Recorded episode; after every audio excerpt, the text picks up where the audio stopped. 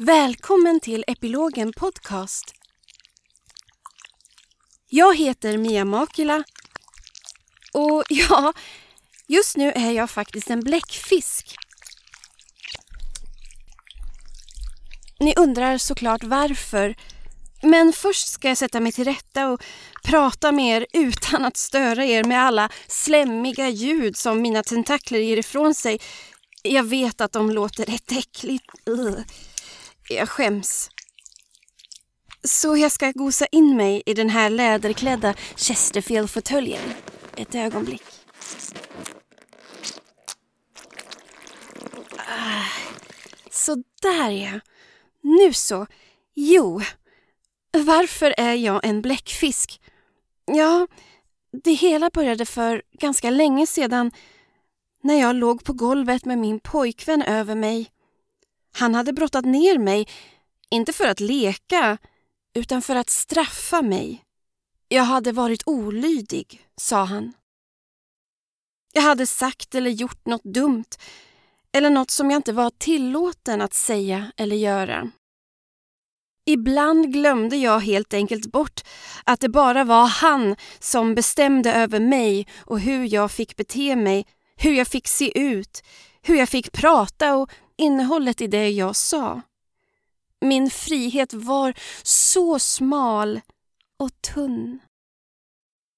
Allt gick endast ut på att förminska mig själv, att försvinna in i bakgrunden så att han kunde ta all plats. Min plats var på rygg, på hallgolvet, med honom över mig. Min plats var med hans händer runt min hals. Min plats var med mitt liv i hans händer. Ja, bokstavligen. I de ögonblicken hände något som jag själv inte styrde över. Jag försvann. Puff! Jag var inte längre i min kropp utan mitt medvetande övergav kroppen åt sitt öde där på golvet. Allt jag kände var mörker och adrenalin.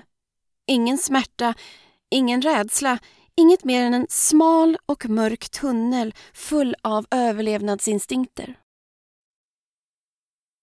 När jag nu tänker tillbaka på de här stunderna så ser jag mina upplevelser som en film. Det är som att mitt medvetande har varit en övervakningskamera som filmat traumat från taket, alltså snett uppifrån. Det är precis som en out of body experience. Jag kan se min kropp ligga där på golvet och hur han sliter och drar i mitt hår. Jag kan inte se det utifrån något annat perspektiv. Kanske också för att jag blundade så hårt medan jag kämpade för mitt liv.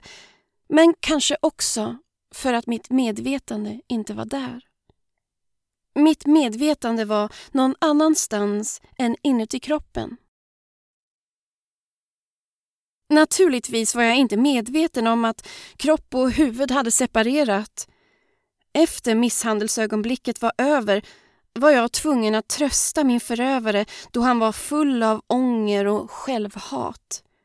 Sedan gick jag bara vidare, som om ingenting hade hänt. Han krävde det från mig eftersom jag inte fick ifrågasätta hans beteende så det blev ett normaltillstånd att huvud inte var närvarande i kroppen som ett tillstånd av a new normal. På så sätt blev kroppen en främling för mig och den kändes alltid äcklig. Äcklig och främmande som ett irriterande bihang av kött och svål som dinglade omkring under mitt medvetande. Ungefär som en bläckfisk. När jag skapade min konst på den tiden så blev det många bläckfiskar. Ett stort huvud med köttsligt dangel under. Nu kan jag se att det var ett slags självporträtt. Jag ska fortsätta berätta om det här för er, men först ska jag bara hälla upp lite kaffe åt mig själv här. Så.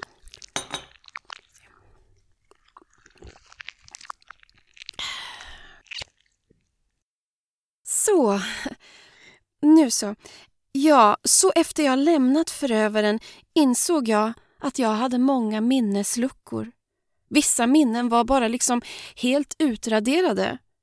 Jag drabbades även av flashbacks där jag återupplevde övervakningskamerans bilder av traumat om och om igen i mitt medvetande. Även om jag nu var i trygghet så var jag ständigt där, på golvet, med honom över mig. Jag kände mig inte närvarande i mig själv och ibland kunde jag helt plötsligt komma på mig själv att vara någon helt annanstans utan att jag hade en aning om hur jag hade kommit dit. Första gången jag blev varse om att detta faktiskt var ett problem för mig var när jag stod framför en bankomat. Utan förvarning fick jag plötsligt en kraftig känsla av att ha vaknat ur en dröm. Det var så förvirrande. Vad gjorde jag vid bankomaten? Vad var mitt ärende? Jag visste inte om jag hade stoppat in mitt bankkort eller om jag precis hade kommit fram till bankomaten för att ta ur mitt kort ur plånboken. Jag visste inte om jag hade tagit ut pengar, hur mycket pengar jag behövde ta ut eller om kortet kanske satt fast i automaten, om jag hade slagit fel kod eller om jag hade slagit koden eller inte. Det var som att jag hade blivit placerad där utan ett kontext eller en uppfattning av ett då, nu och sedan eller hur jag kom dit, vart jag skulle och vad mitt syfte var att vara just där och just då. Det ögonblicket var så pass skrämmande att jag sökte mig till vården och det ledde till att jag fick diagnosen komplex posttraumatiskt stresssyndrom av alla mina trauman som jag hade upplevt. Separationen mellan huvud och kropp i ett trauma har ett namn inom psykologin. Dissociation. Ordet dissociera betyder att upplösa det som varit sammanhållet och är ett reaktionstillstånd när man är mitt i en pågående traumatisk händelse där kroppen och medvetandet separerar sig för att kunna hantera det som händer och för att kunna överleva det.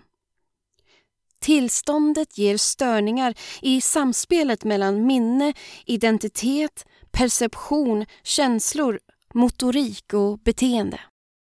Det känns då som att man står utanför sig själv. Det gör att man kanske inte förstår situationen och därför inte kan reagera rationellt. Dissociation är kroppens sätt att blockera sig från hemska eller skamfyllda minnen och händelser med syftet att minska ångesten av dem. Det kan visa sig genom att man inte minns händelser eller känslor från traumat eller att man inte känner sig närvarande i sin kropp eller i sitt medvetande. Det är vanligt att man får overklighetskänslor, känner sig avtrubbad, insvept i en hjärndimma eller att verkligheten känns mer skarp och hård. Jag minns att jag upplevde det som att jag levde i en överexponerad film där allt var lite skevt och avlångt. Känslorna att vara bortkopplad från sin kropp kallas depersonalisering och separationen från sin omgivning kallas derealisation. Hos den utsatta skapar detta en känsla av utanförskap, både i världen utanför och inuti henne själv. Jag läste någon gång att trauma skapar en känsla av att inte längre tillhöra samma värld som innan traumat hände. Once you belong to the real world, now you don't. Typ så. Man kan till och med se dissociation i överlevares ögon.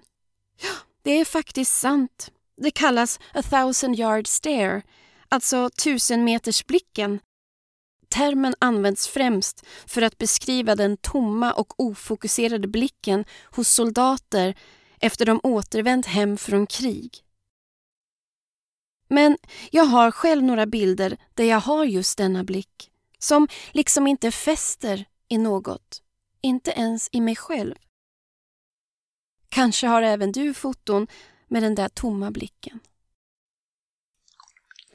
Jag ska ta en liten slurk kaffe till här så.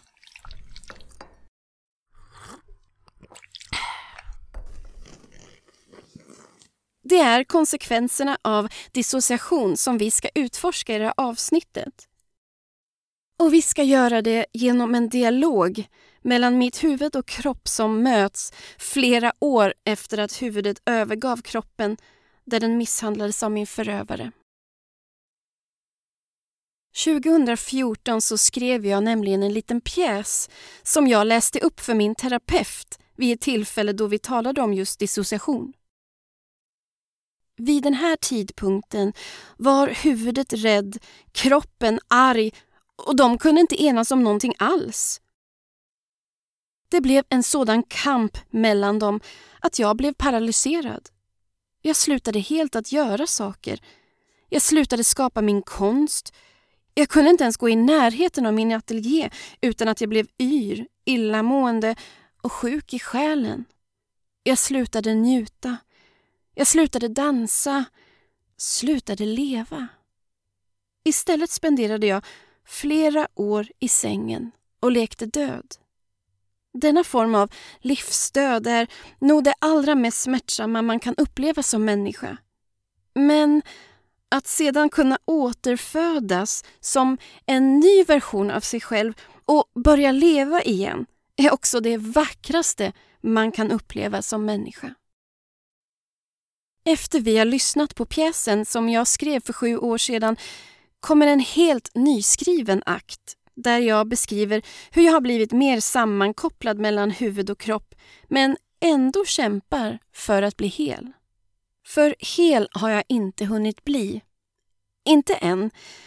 Jag kämpar fortfarande med att hitta tillbaka till kroppens positiva sidor. Glädje, njutning, tillit och självkärlek. Det finns fortfarande alldeles för mycket trauman lagrade i min kropp för att jag ska se på den med acceptans och ömhet. Min blick är istället fortfarande full av självförakt, äckel och obehag när jag ser mig själv i spegeln eller blir medveten om min kropp på olika sätt. Än idag när jag duschar tittar jag upp i taket och låtsas som om kroppen inte finns. Och den här pjäsen kommer jag spela själv, både som huvudet och kroppen. Och för att ni ska förstå vilken röst som tillhör huvudet och vilken röst som tillhör kroppen så kommer jag lägga på lite eko på rösten som föreställer mitt huvud. Så rösten i mitt huvud har alltså ett litet eko. Eh, kan vi få ett test på det? Om vi bara kan koppla upp huvudet här så ska vi se om huvudet är med oss nu. Säg hej bara eller något så att lyssnarna kan bekanta sig med din röst. Japp, hej hej! Det är jag som är huvudpersonen i pjäsen kan man väl säga. Huvudperson, ja, ja men det var bra. Tack för det och så ska vi se om vi har rösten som ska spela min kropp så att ni känner igen den också sen. Kroppen, är du där? Jag är här men det är ju det som är hela poängen med pjäsen. Att jag är här fast vi låtsas som att jag inte är det. Eller? Ja, jo, men eh, jag ville bara att lyssnarna skulle... Äh, skitsamma. Tillbaka till pjäsen. Men innan vi låter ridåerna gå upp för vår pjäs så ska jag läsa ett stycke ur min meditationsdagbok för er. Det är skrivet efter en meditationssession för några år sedan. Och Guidad meditation har varit det allra bästa verktyget för mig när jag har jobbat på att sammankoppla mitt medvetande och min kroppsliga form igen.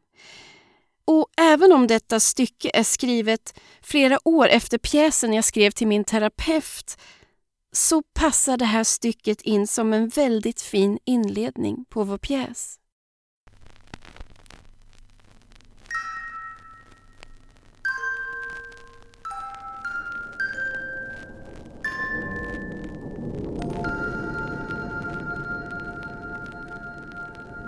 Ur meditationsdagboken lördagen den 23 mars 2019. Idag lyckades jag komma in både snabbt och djupt in i meditationen. Jag ser ett vitt rum. Det är alldeles tomt. Utom en stol som står i ena hörnet.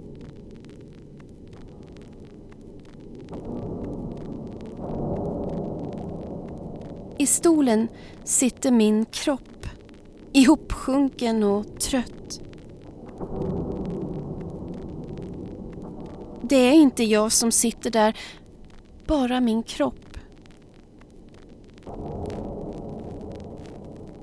Huden är tjock och fet, svullen, som en säck av svål.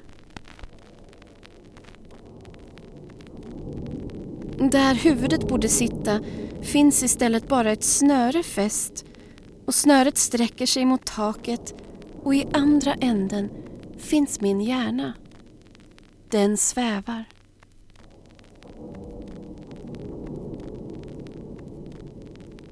Det finns flera snören. Mitt hjärta ligger på det vita trägolvet. Snöret som är fäst i min kropp orkar knappt hålla fast hjärtat. Det svävar inte mer utan blöder tungt.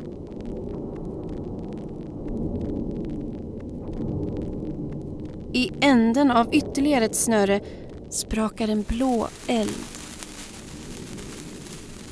Den blixtrar och är alldeles självlysande.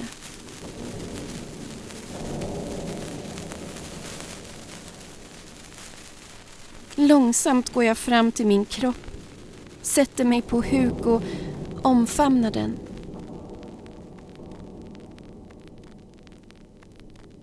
Du minns allt det där jag inte vill minnas. Jag vet att du är trött. Du bär på det som jag inte vill bära på. Jag viskar lugnt medan det sprakar om blixtrarna.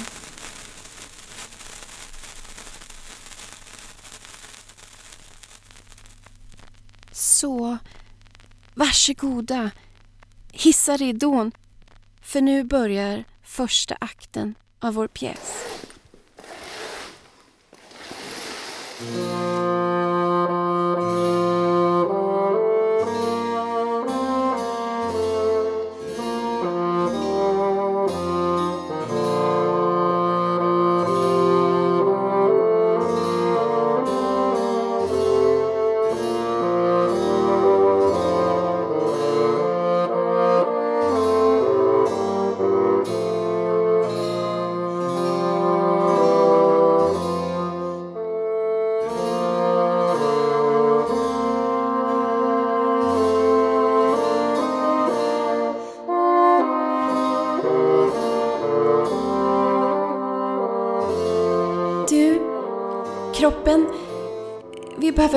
Med varandra.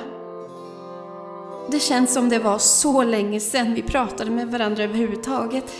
Jag saknar att känna mig nära dig. Jag försöker alltid få din uppmärksamhet så att vi kan prata. Men du lyssnar aldrig på mig. Jag tar till både magont, migrän och ångest. Men det är som att du inte ens vill höra vad jag har att säga eller vad jag vill eller behöver. Du är så självisk. Du tänker bara på dig själv. Men jag försöker ju nå dig nu, eller hur? Du vet att jag behöver dig. Hela den här konstgrejen går åt helvete utan din närvaro och det vet du. Jag saknar att samarbeta med dig. Kommer du ihåg hur vi njöt av våra kreativa samarbeten? Att bli skitig av kol och färg. Åh, underbart! Nej, jag kommer faktiskt inte ihåg det. Det är väldigt länge sedan vi arbetade tillsammans som ett team. Jag har känt mig övergiven och lämnad åt sidan så länge nu. Du lämnade mig. Det gjorde du alltid. Så fort saker blev komplicerade blev du rädd och lämnade mig i sticket. Du är en fegis. Ibland vill jag bara strejka och sluta funka helt tills du förstår hur mycket du faktiskt sårar mig när du överger mig. Jag har nog inte riktigt förstått hur du har känt. Och vad beror det på? Kanske att du aldrig brytt dig om att ta reda på hur jag känner? Var inte så förbannat aggressiv. Varför klandrar du mig? när du vet vad vi båda har gått igenom? Jag drog för att åtminstone kunna rädda en del av oss. Och nu försöker jag ju få kontakt med dig igen, eller hur? Jag hoppas att du låter mig för att vi behöver varandra. Det är bara dumt att vara så nära varandra men inte vara vänner, eller hur? Men jag har aldrig varit feg. Jag har varit väldigt naiv. Det har kostat oss dyrt många gånger. Jag vet det. Men du kunde väl ha sagt ifrån på en gång när han gav sig på oss? Du kunde ha stått upp för oss mer när han attackerade oss. Jag låg där på hallgolvet, förvirrad och rädd, förstod inte vad som just hade hänt. Och ändå bestämde du dig för att stanna hos honom. Varför? Vi var ju båda så rädda för honom. Minns du hur vi brukade känna den där märkvärdiga, tunga känslan i luften?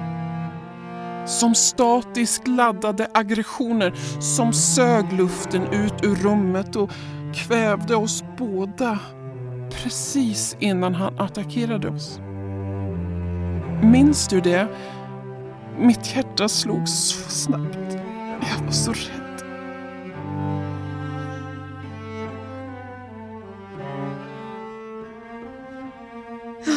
Klart jag minns. Ibland tror jag att jag minns mer än dig. Detaljer, känslor, dofter, platser, ljud, ögonblick av terror och förvirring, kaos och smärta. Du minns ju bara en del av allt. Men jag har alltid uppfattat våra upplevelser sammanflätade och förstärkta av varandra.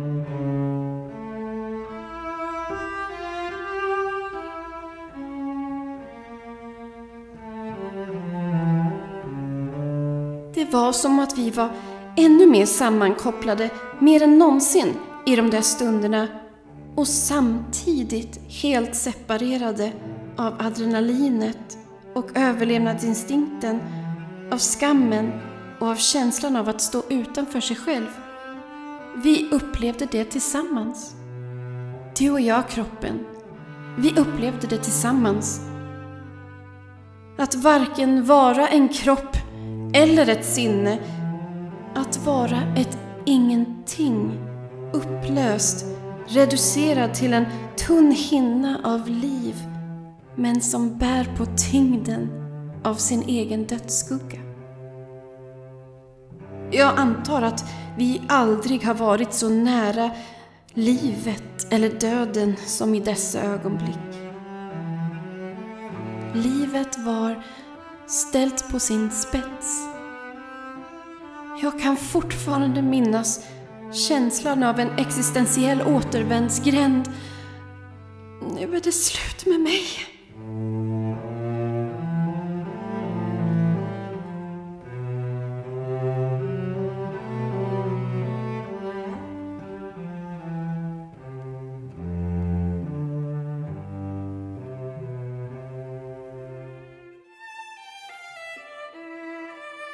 Jag minns fortfarande känslan av att livet skars i nya formationer. Att det pågående traumat skar livet i nya beståndsdelar. Strimlade vår existens till en ny massa som genom en osynlig köttkvarn. Sekunder, minuter, timmar som förändrade oss för alltid. Det var hemskt.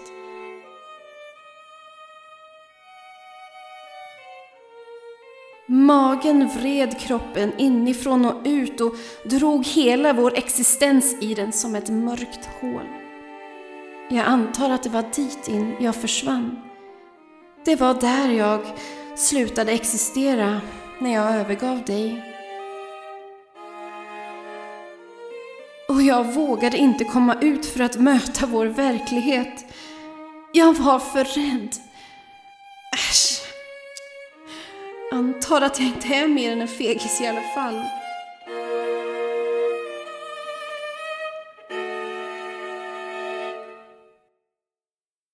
du hade väl inget val antar jag? Jag skulle säkert gjort samma sak om jag kunde. Du har ju förmåga att göra dig osynlig, men det har inte jag. Jag är alltid närvarande och utsatt i världen utanför oss. Ibland försökte jag försvinna genom att spela död medan han försökte strypa oss.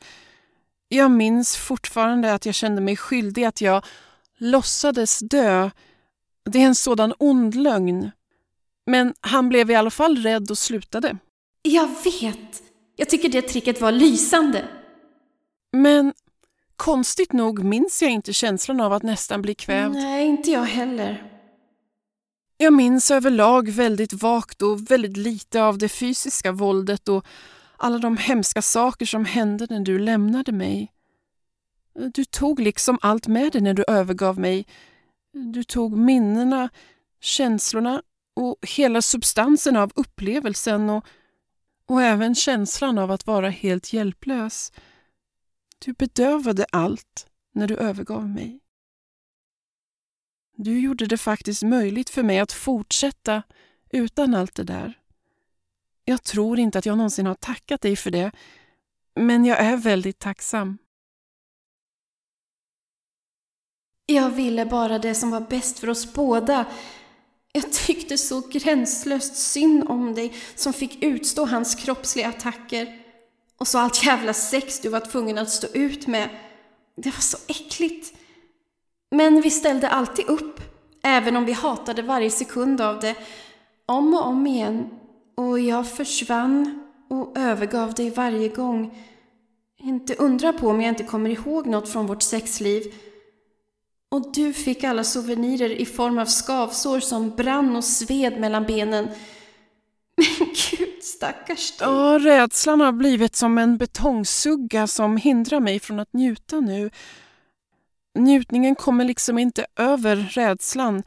Den når inte fram och mina kroppsminnen av smärtan blir som påklistrade sensationer som täcker över det jag egentligen upplever och känner. Njutningen uteblir och du fortsätter att överge mig bara av rädslan. Den är ju inte ens på riktigt. Ja, jag tycker det är så obehagligt med den där smärtan. Även om jag vet att rädslan inte är verklig utan bara ett minne så skrämmer det mig så mycket. Det är omöjligt för mig att släppa den med blicken. Det är då du blir på din vakt. Jag kan se dig reagera på mitt obehag genom att vara spänd som en fiolsträng. Och då välkomnar vi ju njutning genom att vara redo för ett nytt trauma. Och jag antar att det är väldigt svårt för oss båda att lita på människor som vill komma oss nära inpå. Vi har faktiskt en anledning att vara misstänksamma. Ja, fast med den attityden kommer vi nog aldrig känna äkta och sann njutning igen. Alltså njutning utan den här dumma rädslan för smärta och förödmjukelse. Kommer du ens ihåg hur det känns? Nej. Inte jag heller. Men jag tror att tillit är det enda som kan bryta igenom alla lager av rädsla och minnen. Jag längtar efter att få kunna lita på någon fullt ut. Och jag längtar efter att få släppa alla mina hämningar och bryta mig loss från den där bedövande förlamningen jag känner när du inte är hos mig. Jag längtar så mycket att det spritter i hela mig. Jag längtar också efter så många saker. Jag längtar efter tystnaden. Jag längtar efter stunder av intimitet där jag vågar stanna kvar i dig och där jag kan skjuta tankarna åt sidan istället för att stänga av. Nej, jag vill inte stänga av. Nej, jag vill bryta igenom alla lager av tankar, minnesluckor och flashbacks och låta njutning och glädje och liv fylla mig. Jag vill känna hur vi blir ett, du och jag. Och hur vi växer och sprider vår existens utanför oss själva. Som att vår existens läcker ut från vår form och blir upplöst till renaste känsla av liv och kärlek. Åh, vad jag vill känna det. Ja, du får det låta så vackert. Men om jag ska vara helt ärlig så vill jag bara bli ordentligt knullad. Utan smärta smärta, rädsla och en massa onödiga tankekrusiduller. Jag vill röra mig i takt med mina instinkter istället för att frysa till is. Jag vill känna mig sexuell, vacker, het. Jag vill kunna välja att det ska vara hårt, djuriskt och hämningslöst utan att för den sakens skull behöva bli förtryckt eller förödmjukad. Ha, jag visste att du skulle säga det. Så typiskt dig. Vi är verkligen så olika ibland du och jag. Men jag antar att vi kompletterar varandra. Vi behöver varandra, kroppen.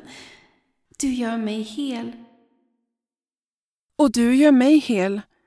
Jag behöver dig också. Du babblar alltid om att du önskar att du kunde ha sex med bara hjärnan, men utan mig kommer det inte bli något sex, bara tomma fantasier forever. Jag sa till dig att jag saknar att samarbeta med dig. Jag menar det verkligen. Jag saknar dig i allt. Du fattas mig. Du, tror du verkligen att vi kan hitta ett sätt att hitta tillbaka till varandra igen? Absolut. Men jag tror vi måste släppa taget om det som har hänt. För alltid. Vi måste släppa taget om allt som ingår i våra trauman. Rädslan, smärtan och misstänksamheten.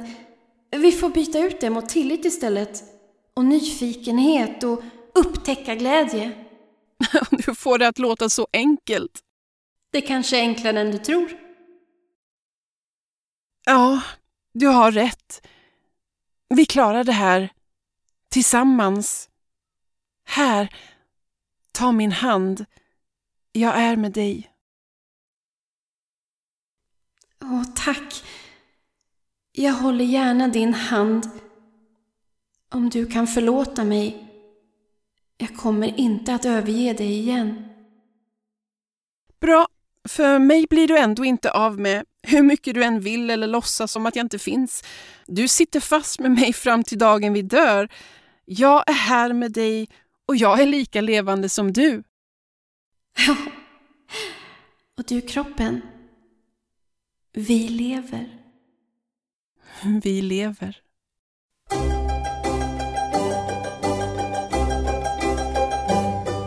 Så slutar första akten av vår pjäs och nu börjar andra akten.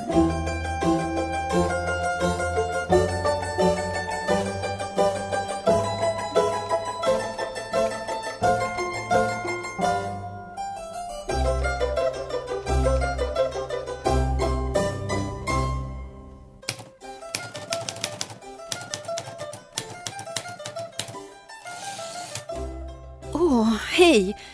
Ni överraskade mig. Jag satt djupt försjunken i mitt arbete här. Jag vet att detta är andra akten i vår lilla pjäs men jag sitter faktiskt här och skriver på akt tre.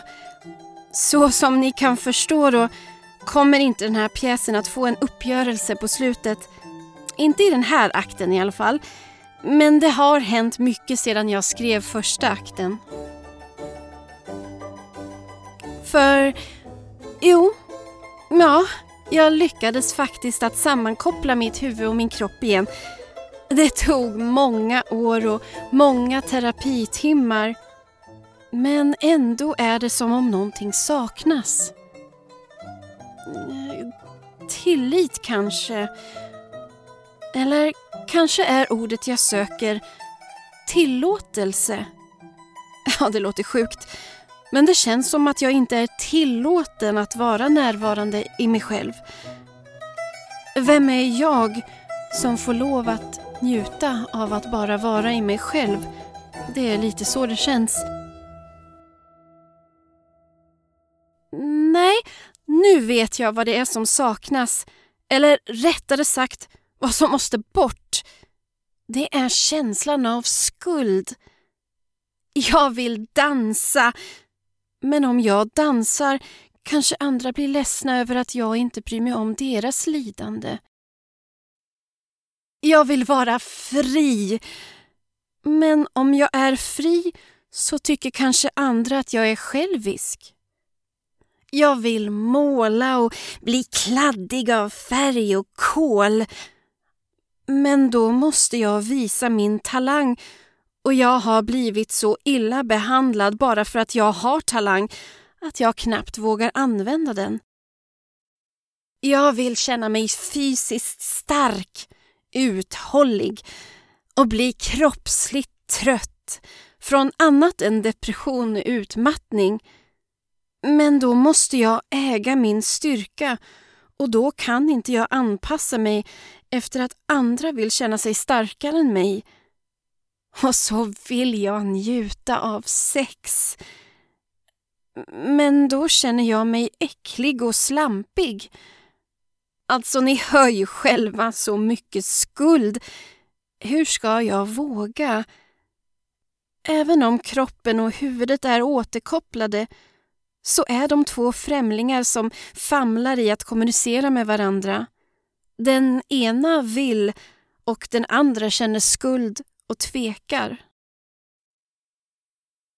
Dessutom så har den här nya sammankopplingen lett till en massa märkliga konsekvenser som jag inte hade tänkt på innan.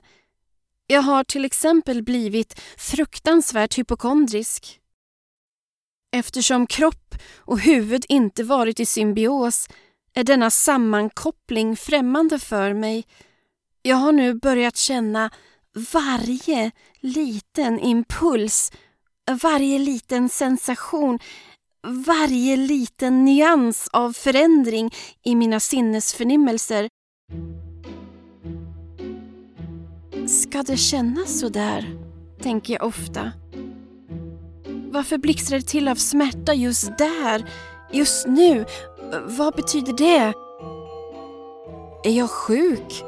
Är det normalt? Tänk om det är farligt att känna så här.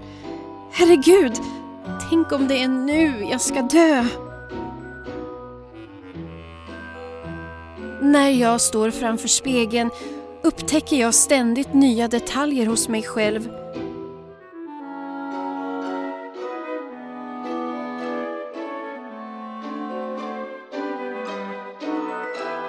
Detaljer som jag inte kunde se när jag inte var närvarande i mig själv. Plötsligt ser jag saker som oroar mig. En fläck på handen. Hårfästets form. Den knöliga formen av mina knän. Jag tänker, men gud, har jag alltid sett ut så där? Tänk om jag har missat viktig information Kanske är den där lilla skavanken första tecknet på någon farlig sjukdom.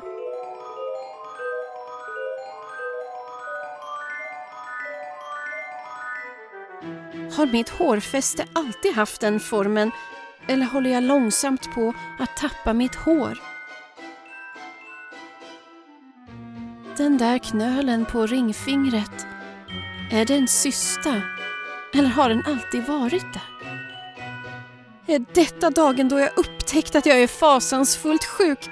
Herregud, är det nu jag ska dö? Det är väldigt ironiskt att när jag lyckades sammankoppla alla mina delar och blev mer hel blev jag också för första gången rädd för döden. När mitt huvud och kropp ännu var separerade var jag nära på att dö under misshandeln flera gånger men funderade inte en sekund på det då. Att bli mer och mer hel är också att bli ödmjuk inför livets förgänglighet och irrationella infall. Kroppen talar ofta till mig nu, men jag förstår inte språket. Vad är en sensation av något främmande och vad är smärta? De känns plötsligt likadant. Människans kompass för vad som är rätt och fel sitter ju i magen. Men det gör ju även rädslan. Så vad är skillnaden mellan magkänsla och rädsla som sitter fast i maggropen? Eller har jag ont i magen av maten jag ätit? Eller av något annat som magen inte vet hur den ska kommunicera bättre Ja, det är så förvirrande. Jag har också insett att det är skillnad mellan att vilja något och att vara redo för det. Förr tänkte jag inte så. Ville jag något så gjorde jag det utan att fråga mig själv om jag var redo för det. Jag tänker särskilt då på sexuella aktiviteter. Jag vill känna njutning, men kanske är jag inte redo för det efter all traumatisering. Vad jag vill och vad jag behöver är också två saker som är svåra att urskilja i stunden.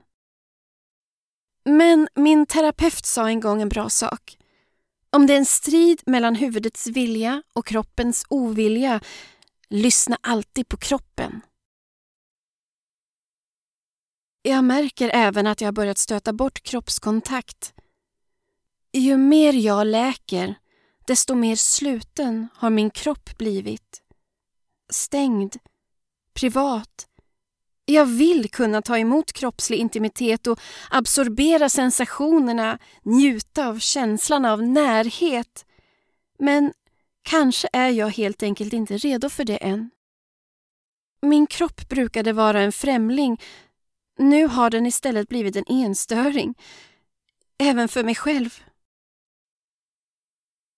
Nu när jag sitter här och skriver på nästa akt ser jag att det arbete jag har framför mig nu när jag lyckats åstadkomma en sammankoppling mellan kropp och huvud handlar om att hitta balans. Att hitta en balans i gränsdragning och välkomnande. Balans mellan öppen närhet och sluten integritet. Och att kunna vara nära någon utan att känna sig ägd att våga njuta utan att förvänta sig straff. Att ge sig hän utan att bli exploaterad. Om jag ska kunna njuta av sex så måste jag inse att min partner är precis lika mänsklig och sårbar som jag. Jag kan inte projicera bilden av en förövare på honom bara för att jag varit med om sexuella trauman i mitt förflutna. Det är inte rättvist mot någon av oss. Min kropp har sedan länge varit passiv-aggressiv. Om den inte vill göra något så börjar den genast att protestera genom att bli paralyserad. Som att den säger Nej, det tänker jag inte göra. Jag vägrar göra det där. Det är bra. Det är bra. Men jag känner inte motsatsen. När det pirrar och bubblar av lust och glädje Åh, vad jag önskar att jag kunde känna njutning på det sättet. Det är som att jag har tappat ett sinne. Känslan av en lätt beröring känns inte skönt för mig nu. Nej, den känns full av sublima meddelanden, krav och förväntningar. Men jag vill kunna njuta av beröringen och när den inte finns där vill jag kunna fantisera om den. Jag vill ligga på sängen med armarna bakom huvudet och fötterna lutandes mot väggen och dagdrömma om den allra minsta beröringen. Precis som jag gjorde som tonåring i min rosa flicksäng. Nu när jag har kopplat samman mitt medvetande och min kropp så har jag istället svårt att se dess värde. Vad är mina tankar värda? Mina idéer, min kreativitet. Det är svårt för mig att sätta pris på mina konstverk. Det känns som att sätta pris på mig själv och vad är jag värd? Hur vet man sånt? Men jag har i alla fall lyckats skaffa självrespekt. Det betyder att jag aldrig, aldrig, aldrig mer skulle utsätta vare sig min kropp eller min hjärna för abusivt beteende eller misshandel igen. Aldrig! Och det är jag mycket glad för. Till och med stolt. Mitt motto är numera No drama, no trauma. Men jag ska vara ärlig. Vissa dagar känner jag mig fortfarande som en bläckfisk. Att dödköttet bara dinglar där under, blä, liksom. Andra dagar känner jag mig som en maskin. Jag bara gör det jag måste göra. Men samtidigt har jag kommit på att det finns massor av sätt att se på kroppen. Jag kan till exempel se kroppen som djuret. En del av naturen med alla sina instinkter, sin hunger och som är lika rå och naturlig som vilken annan levande organism som helst. Jag kan också se kroppen som huset där jaget bor. Jag kan se den som en slags rymddräkt som faktiskt gör det möjligt att jag kan överleva just här där jag råkar befinna mig mitt i universum.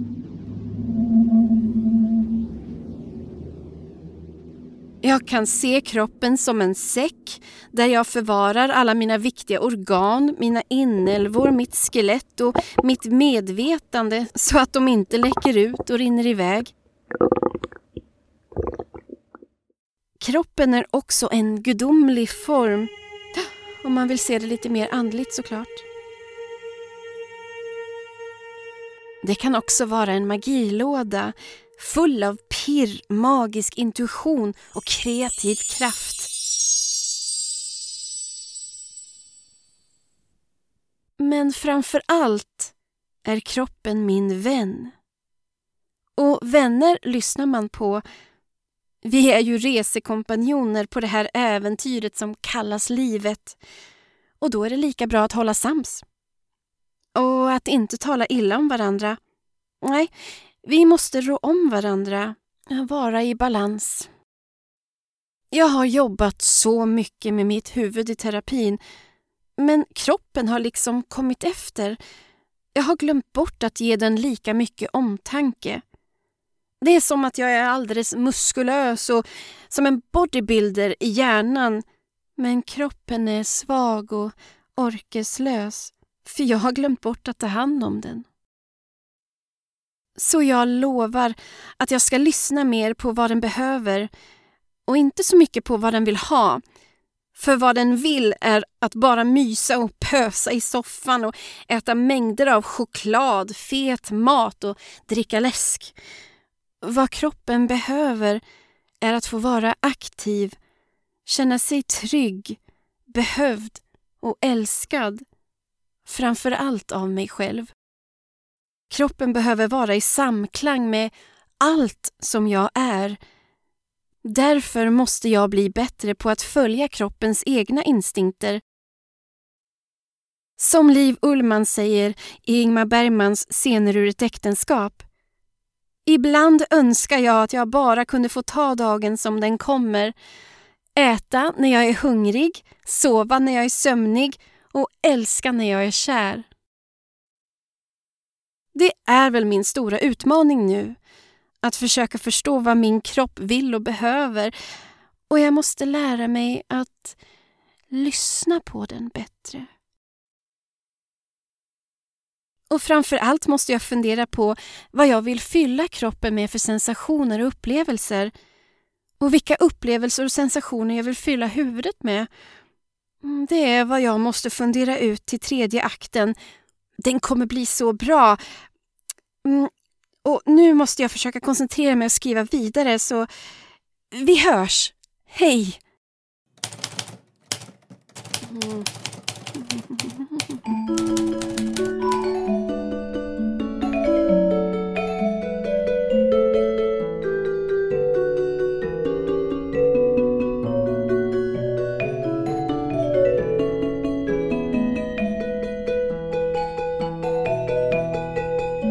har lyssnat på Epilogen Podcast. Jag som skriver, producerar och framför Epilogen heter Mia Makila. Mer info om mig och podden finns på miamakila.com. Musiken i avsnittet är poddsäker. Mer info finns i avsnittsbeskrivningen. Tusen tack för att du har lyssnat.